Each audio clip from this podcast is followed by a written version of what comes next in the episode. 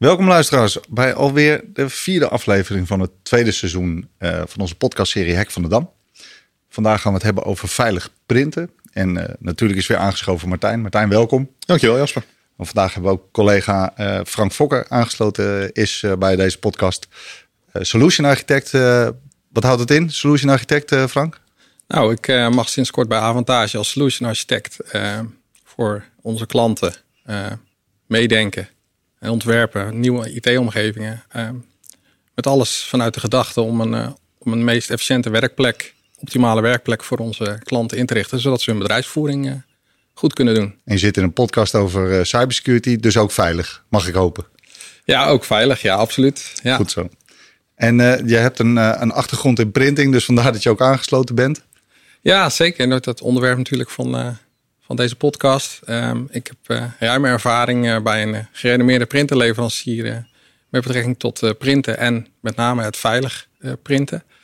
Um, zowel hardwarematig als softwarematig.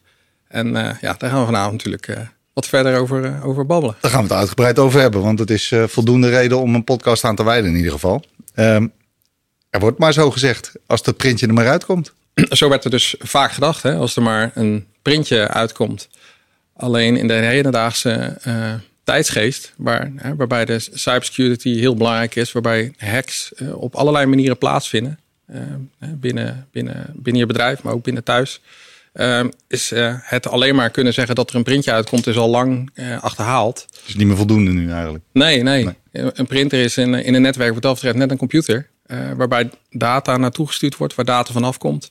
En daar kunnen ja, op dezelfde manier eigenlijk zaken misgaan als je daar niet goed over de veiligheid hebt nagedacht of, uh, of goed naar de veiligheid hebt gekeken. zouden we, misschien zouden de printers zelfs kunnen bestempelen als het meest traditionele onderdeel van de IT-omgeving, waar misschien het minst over nagedacht wordt als ja, nee, te weinig aandacht aan besteed eigenlijk. Ja. Ja, zeker. Kijk, uh, zo'n printer, uh, vanuit de historie was dat een origineel een kopieermachine. Of uh, ik weet niet, voor degene die het nog weten, dat je kon de stencils mee maken. ja, goede oude tijd. De goede oude tijd. of en zo werd het ook vaak gebruikt. Viel, je maakt een kopietje van een document. Uh, later is natuurlijk de, hè, de doorontwikkeling van de computer gekomen.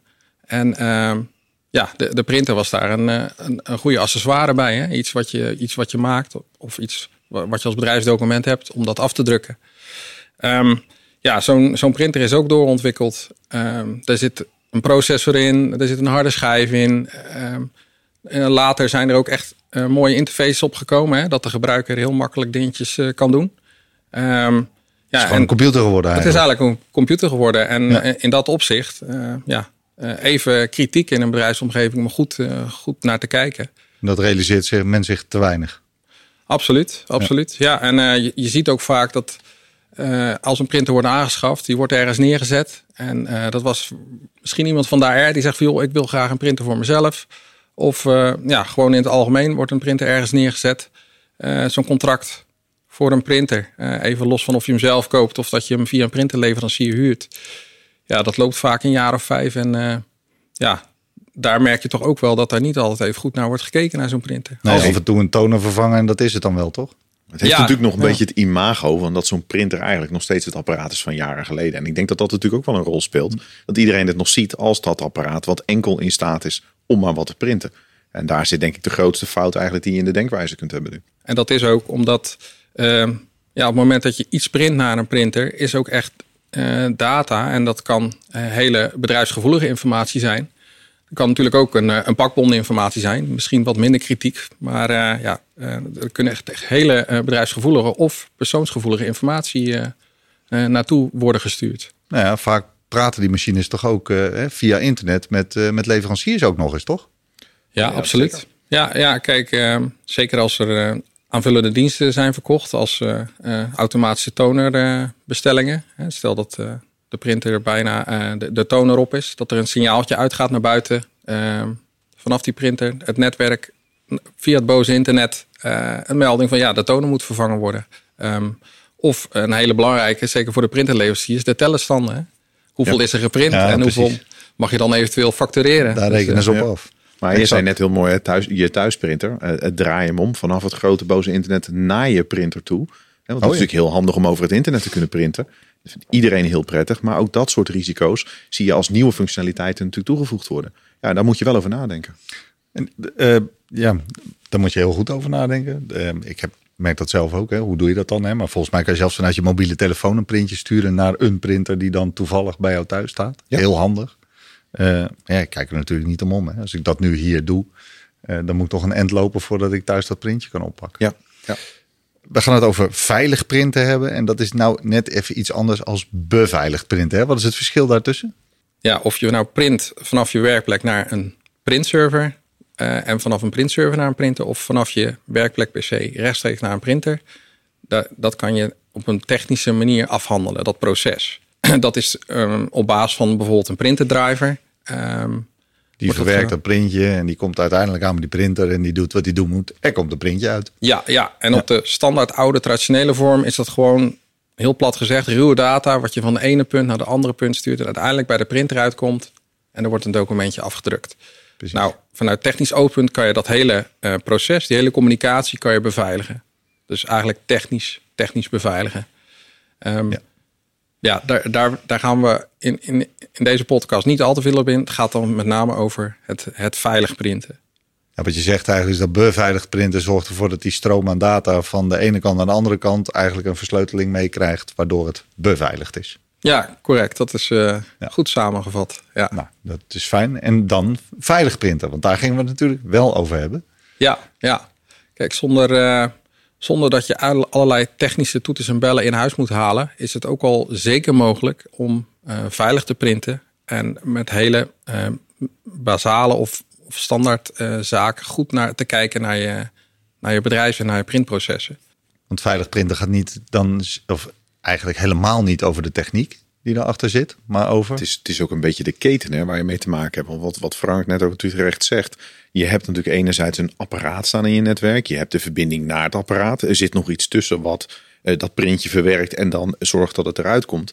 Dus als je het hebt over printen, is dat natuurlijk een hele keten van functionaliteit aan elkaar. En daar heb je ook weer te maken uh, dat als er ergens iets in die keten niet goed is, dat je daar natuurlijk wel risico's hebt zitten. Ja. Uh, dus de printer aan zich is een apparaat waar je wat mee moet. Maar de hele keten om uiteindelijk dat printje eruit te krijgen, ja, bij de gemiddelde organisatie zit daar nog wel wat technologie achter. Ja, laten we niet te diep verder op die risico's nu ingaan. Dat komt zo meteen wel. Hè.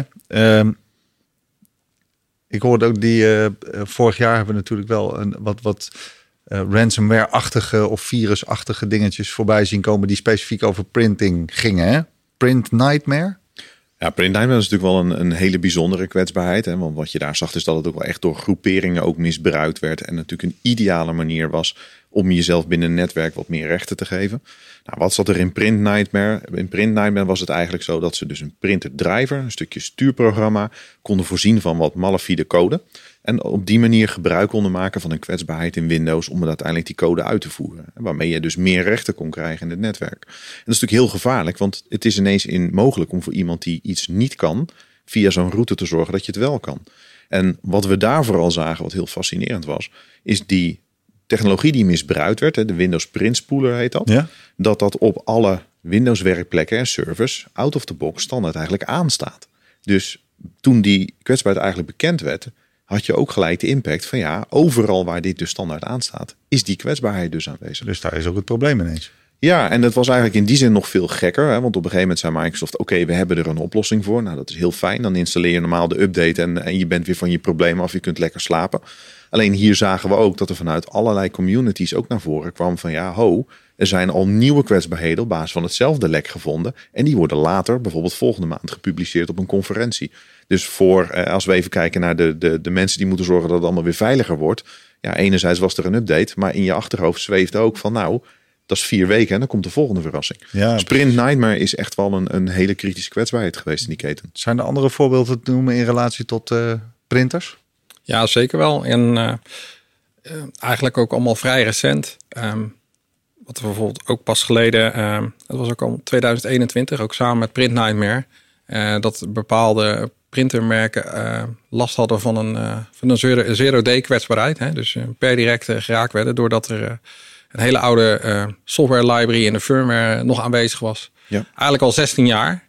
Dus Oh, pas na eens. 16 jaar eigenlijk ontdekt is dat daar, eh, dat daar iets eh, verkeerds mee gedaan kon worden. Ik eh, krijg gelijk een eh, Log4j eh, gevoel. hè, want die we natuurlijk ook nog recent hadden. Een beetje hetzelfde soort voorbeeld in- die zin. Ook eh malafide componenten die, eh, die klaarstaan eigenlijk om eh, toch nog misbruikt te worden. En bijvoorbeeld een, een andere leuke, ook een, net zoals Sprint Nightmare, best een populaire naam, maar is wel blijven hangen. De Ripple 20. Ja, Eh, de reden ook waarom dat het getal 20 wordt genoemd, is dat er 19 verschillende eh, eh, vulnerabilities in zijn gevonden. Ehm, het erge daarvan was, dat was ook eigenlijk een, een, een software library, wat in, in bepaalde firmware werd gebruikt, met name ook in printers. Dat je op afstand gewoon code kon uitvoeren. waarbij je dat als soort springplank in het netwerk kon gebruiken om allerlei dingen over te nemen, dingen kapot te maken, maar ook echt eh, zeg maar recht te krijgen binnen de omgeving om verkeerde dingen te doen. Ja, dan zie je gelijk die impact in die hele keten eigenlijk. Hè. We hebben het over de printer, maar we hebben het natuurlijk over veel meer. En, en dit zijn in dit geval 19 kwetsbaarheden in één ketting. Ja, dat is toch wel even een serieuze zaak. ja. kortom eh, rekening mee houden. En daarmee eh, zeggen we eigenlijk ook, ja, printing levert ook wat risico's op. Eh, we gaan zo in deel 2 kijken wat die risico's inhouden. Eh, dus graag tot zometeen.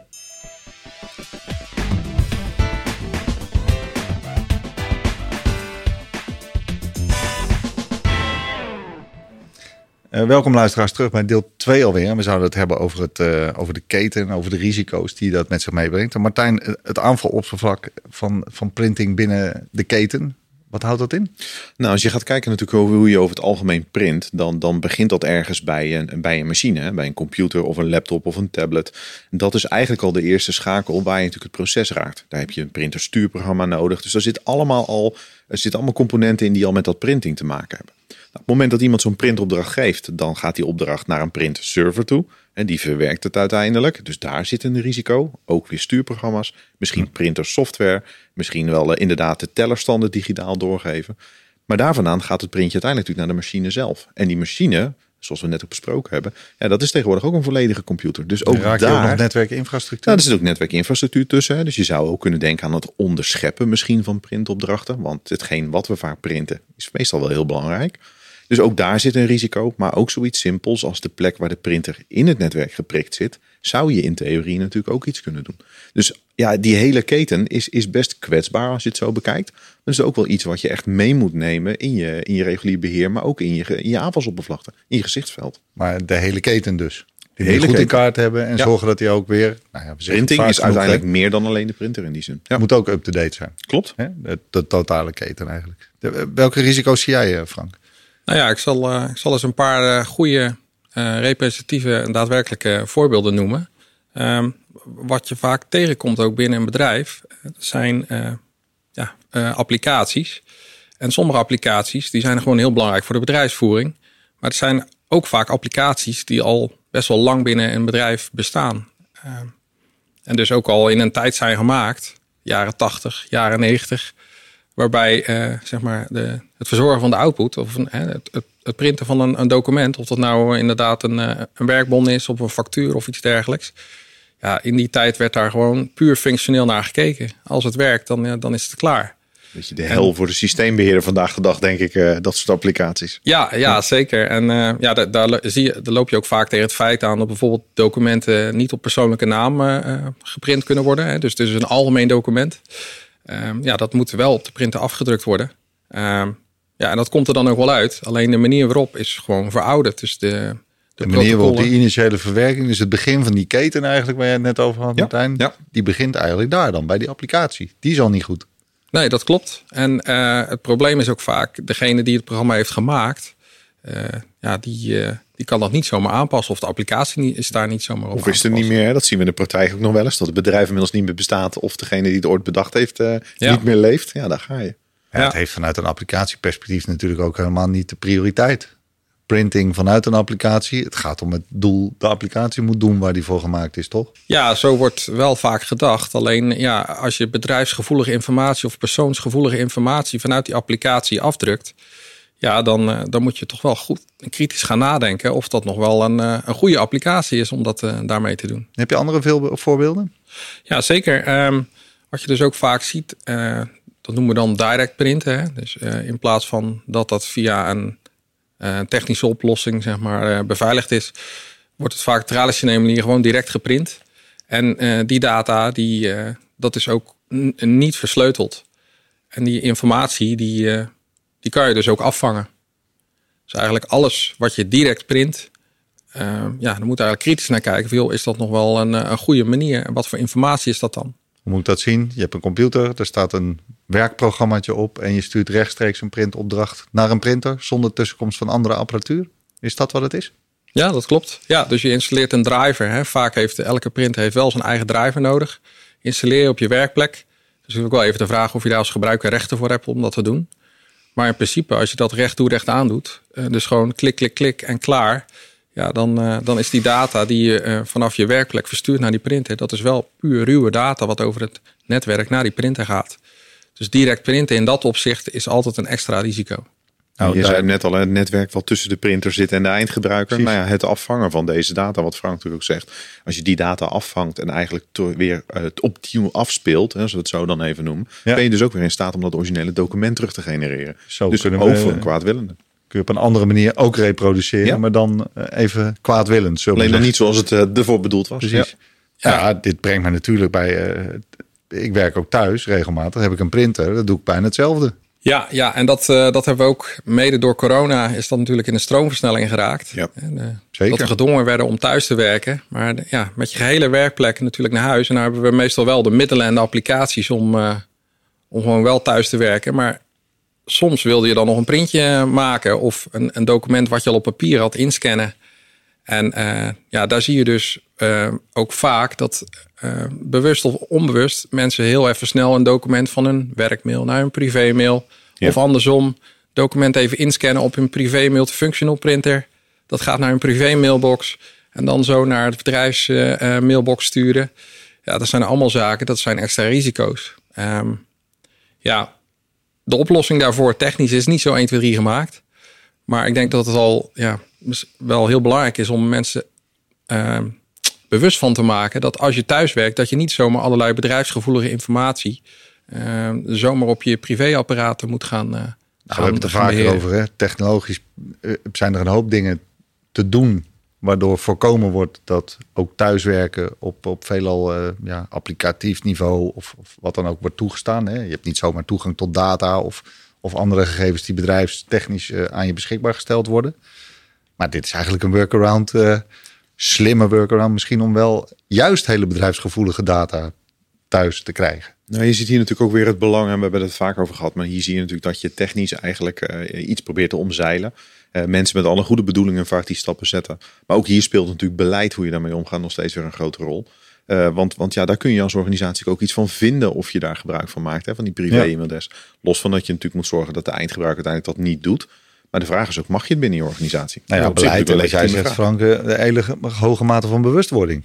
Ja. Mensen moeten zich wel realiseren wat ze nou concreet ook uitprinten, toch? Dan. Ja, absoluut. En uh, kijk, het wil niet zeggen per definitie dat je helemaal geen documenten meer moet kunnen afdrukken thuis. Maar wees je bewust van dat bepaalde bedrijfsgevoelige informatie kan je bijvoorbeeld beter even mee wachten. of uh, vraag in ieder geval of er iemand op, op kantoor is in het beschermde netwerk die, die misschien die documenten dan kan verzamelen. In plaats van dat je dat eh, even snel allemaal thuis probeert te doen. Ja, ik ben daar redelijk behoudend in zelf, moet ik zeggen. Maar ik kan me voorstellen dat misschien nog wel bedrijfsgevoelige documenten ergens tussen de reguliere thuisadministratie belanden. Dat is natuurlijk ook niet wat je wil. Absoluut. Maar ik denk ook dat er net was wat jij had het over, over de, de, de COVID-tijd. En daar zie je natuurlijk vooral in die eerste maanden dat iedereen als een gek vanaf het kantoor naar thuis ging. Ja, dat was natuurlijk ook de tijd dat niemand bij dat soort dingen stilstond. Vanuit beleid er nog helemaal niet op gemaakt was. IT misschien helemaal nog niet bezig was met het feit dat mensen dit soort dingen doen. Ja, en dat is natuurlijk ook de momenten geweest waardoor eh, dat soort problemen geïntroduceerd zijn. En nu is het onderdeel van het standaard werkproces. En dit ging concreet om het hebben van een, van een printje. Dus we hebben een afdruk gemaakt. Dan is er misschien iets daar onveilig. Maar we hadden het net ook al over het landschap, het aanvalslandschap. Hoe verloopt een aanval via een printer nou, Martijn? Nou, als je kijkt, er zijn natuurlijk legio voorbeelden die je daarin kunt nemen. Maar een hele mooie is bijvoorbeeld een, een lettertype misbruiker, waar een bekende kwetsbaarheid in zit. Dat op het moment dat jij misschien iets opent, een document... Dat moet je uitleggen. Hoe kun je een lettertype ja, misbruiken, dit is, dit, dit, dit, is, uh, dit is geavanceerd hoor. Dat is een leuke, Jasper. Stel nou dat jij een document opent en die stuur ik je per e-mail. En, en, daar zit tekst in en die tekst is met een speciaal lettertype gemaakt. En men weet dat er in een bepaald lettertype een kwetsbaarheid kan zitten. Nou, dan een zou stukje software eigenlijk. Ja, een stukje software. Gewoon iets wat we dagelijks gebruiken. Want dat is vaak ook hetgeen waar we die kwetsbaarheden in vinden. In hele reguliere dingen. Maar op het moment dat jij op print drukt, dan wordt dat document wordt keurig niks in de printer verstuurd en die gaat daar voor jou chocola van maken en uiteindelijk komt er een printje uit. Maar als je daar natuurlijk kwartadige code in kunt stoppen en die printer is in staat om dat te lezen en die zegt, hey, jij vraagt mij om iets te doen en dat doe ik blindelings voor je, dan zou het zomaar kunnen zijn dat iemand toch controle heeft over hetgeen wat daar gaat gebeuren.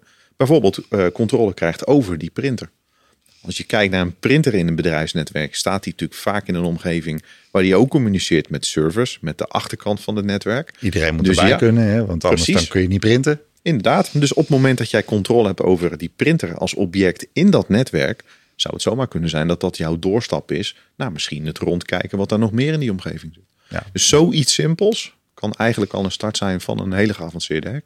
Maar dit kun je gebruikers toch niet allemaal uitleggen? Nee, dus je moet ook natuurlijk wel gewoon basisvoorzieningen treffen. En er zijn allerlei methodes voor om ook dingen tegen te houden. Maar Frank zei altijd net al over zero days. Dus lekken die eigenlijk gevonden worden, maar nog niet bekend zijn bij een leverancier. Dat zijn wel gevaarlijke zaken als dat zo'n lek blijkt te zijn. Maar ja, we kennen uit de praktijk ook voorbeelden waar iemand de stekker uit de printer trekt, een kastje ertussen zet en keurig de stekker weer toedoet. Zodat je in de keten, als er iets geprint wordt, gewoon die data allemaal af kunt vangen. Plus je hebt gelijk een ingang dat bedrijfsnetwerk in. Dus soms kan het al heel makkelijk zijn. Want als we een stickertje op de printer doen, IT is op de hoogte, de printer doet het niet. Ja, over het algemeen denkt iedereen dat het al onder controle is.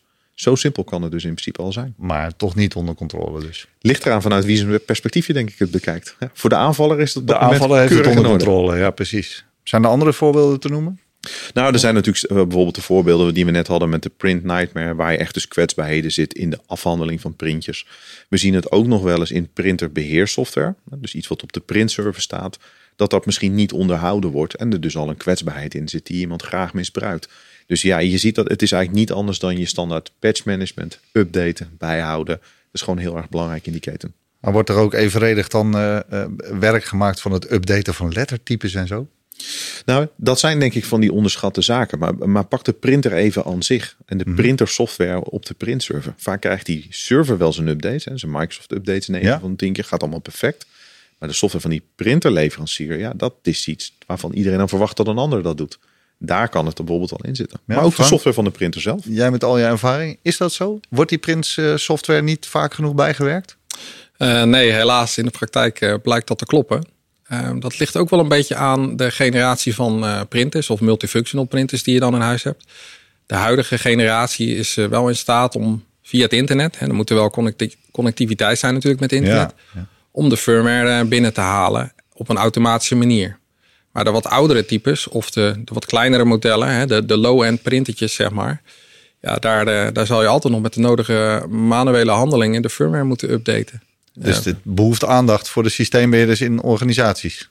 Absoluut, absoluut. Ja. het moet echt geborgd worden in het reguliere beheerproces. En dat is eigenlijk de schakel die vaak mist. Uh, kwetsbaarheden van, uh, van lettertypes hebben we natuurlijk gehad. Hè? Uh, eh, MFP's, multifunctional printers die gecompromitteerd zijn. Er zitten ook meerdere functies op dit moment, denk ik, in printers. Vroeger was het alleen maar printen. Daarna kregen we mogelijkheden tot ook verzenden van documenten. maar je zei het net ook al, hè? printen over internet. Nou, printen over internet. Hè. Wees je ook bewust hoe die printer verbonden is met je netwerk. En vooral als je thuis zit, of die misschien niet door middel van wat standaard instellingen in je netwerk ook van buitenaf benaderbaar is. Ja, dan zou het zomaar kunnen zijn dat iemand daar graag gebruik van maakt. Of dat er ineens printjes uitkomen waarvan je niet wist dat ze er naartoe gestuurd waren. En ook die voorbeelden hebben we bijvoorbeeld in de praktijk gezien. Dat iemand in staat was om wereldwijd duizenden printers te laten printen. Dat zijn natuurlijk allemaal dat soort dingen waar je gewoon niet op zit te wachten dat het gebeurt. Gewoon ineens, ja, dat heb je niet in de hand natuurlijk. Maar wat ik zelf een hele fascinerende vind, is waar je ook echt ziet waar je aandacht aan moet besteden. Als je kijkt naar de gemiddelde nieuwe printer, zit daar vaak zo'n heel mooi display op. Hè? We hadden het er net al even over. Dat ziet er goed uit. ziet er lekker modern uit. Maar onder water kan dat bijvoorbeeld een Android tablet zijn. Dus een tablet die je thuis ook gebruikt, maar waar dus ook regelmatig updates voor komen. Ja, en dat is wel heel kritisch dat die ook bijgewerkt worden. En dat is het misschien niet eens de printer zelf, maar eigenlijk een component wat weer aan die printer vastzit. Ja, nou, volgens mij uh, voldoende uh, gekeken naar uh, wat er allemaal mogelijk is en vooral ook verkeerd kan gaan hè, bij het printen. Niet alleen maar over de documentjes, maar ook de firmware, de instellingen, de keten die er is. in deel 3 gaan we het concreet hebben over waar we moeten beginnen om die problemen nou eens aan te pakken en op te lossen. Het zou zonde zijn als we hier stopten en alle ellende achterlieten in die zin. Ja. Dan hebben we zo meteen nog een advies. Tot zo.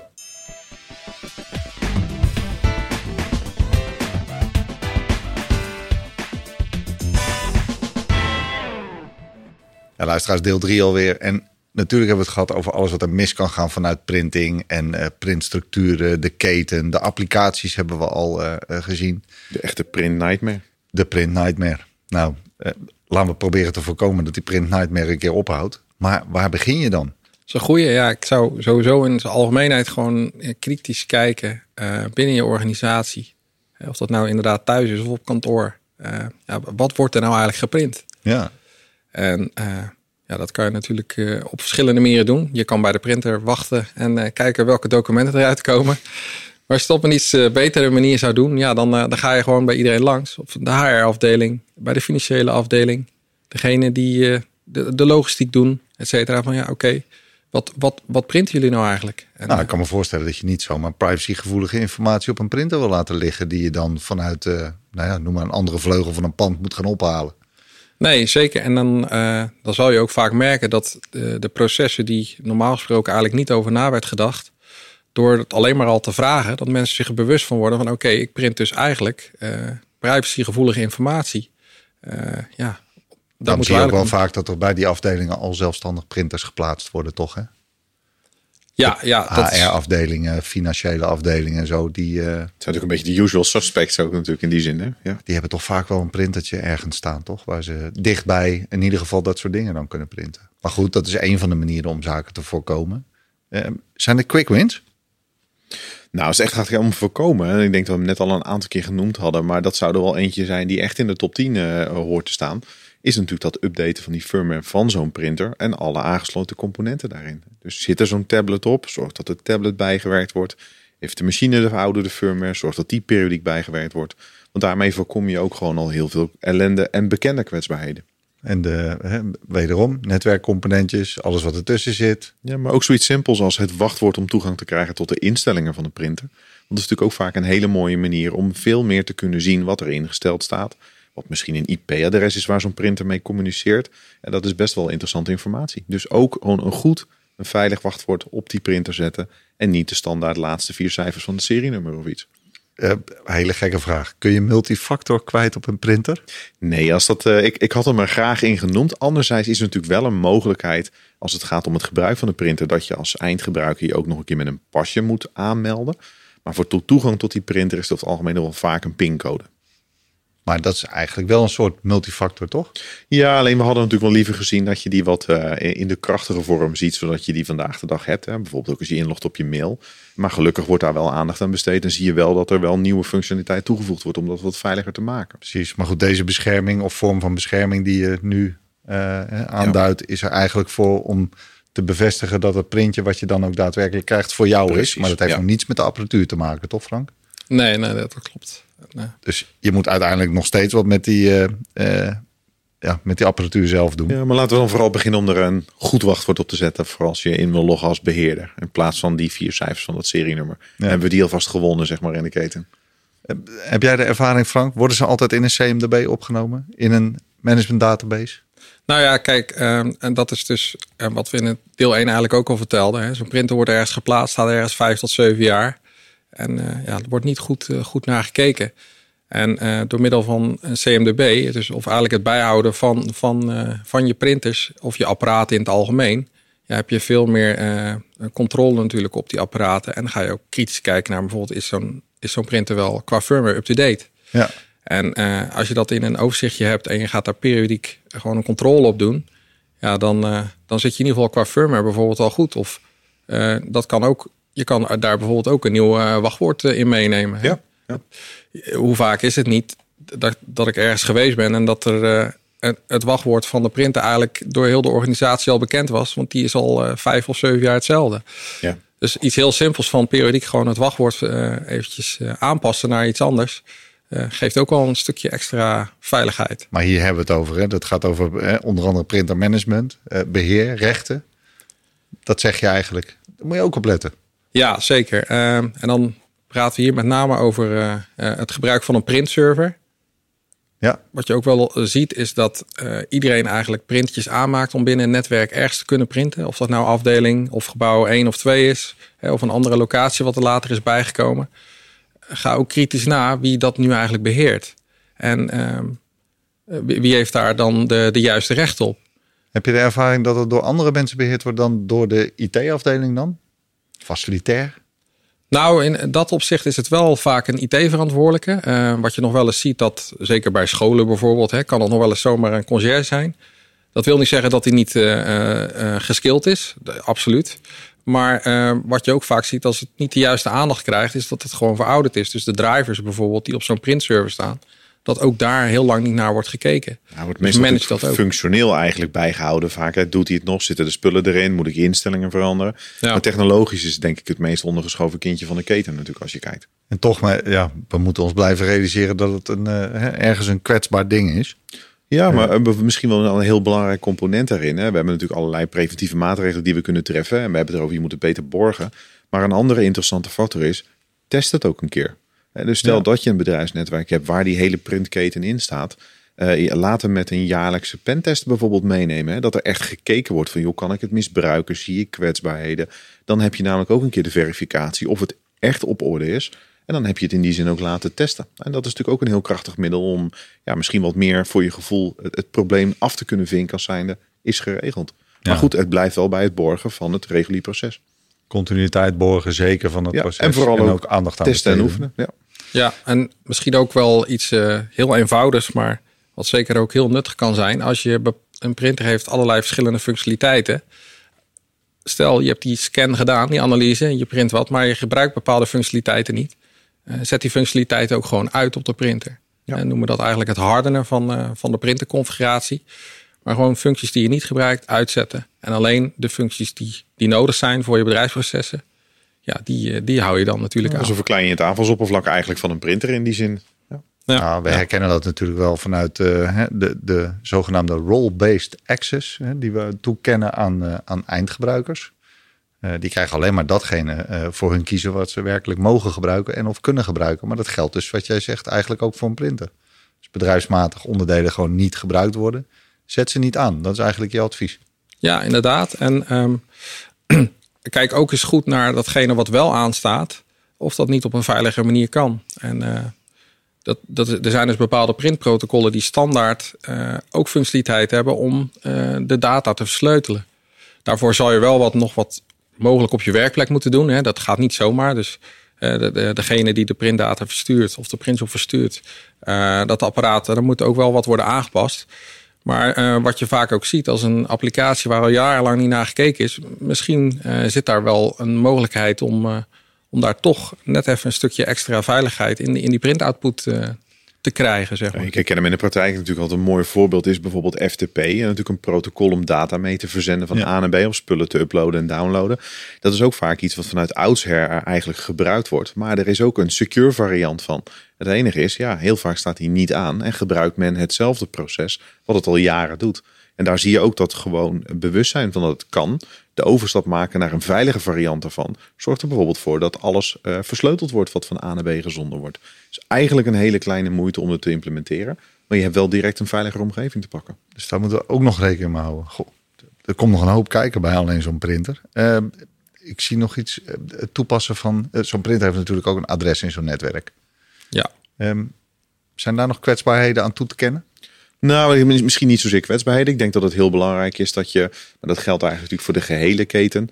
Uh, Frank zei net, als er iets wordt gebruikt wordt wat je niet nodig hebt, zet het uit. Maar dat is in je netwerk natuurlijk ook. Als iets niet hoeft te communiceren met zo'n printer, voorkom dan dat het mogelijk is. En dat maakt het voor een aanvaller ook lastiger om zo'n apparaat snel te kunnen misbruiken. Of vanaf dat apparaat misschien ergens naartoe te gaan waar die niet bij hoeft. Dus ook dat verkleinen van het aanvalsoppervlak is gewoon een belangrijk element in de totale architectuur. Dus wat zeg je dan eigenlijk ook scheidingen van netwerkinfrastructuur? Nou, scheidingen van netwerkinfrastructuur, maar ook weer een stukje inzicht. Hè. Weet ik nou waar die printer mee communiceert en, en waar die voor nodig is? Maar ook gewoon het hardenen, wat, wat Frank zei van applicaties. Maar dat geldt ook voor protocollen, geldt ook voor verbindingen, maar ook voor je netwerkarchitectuur.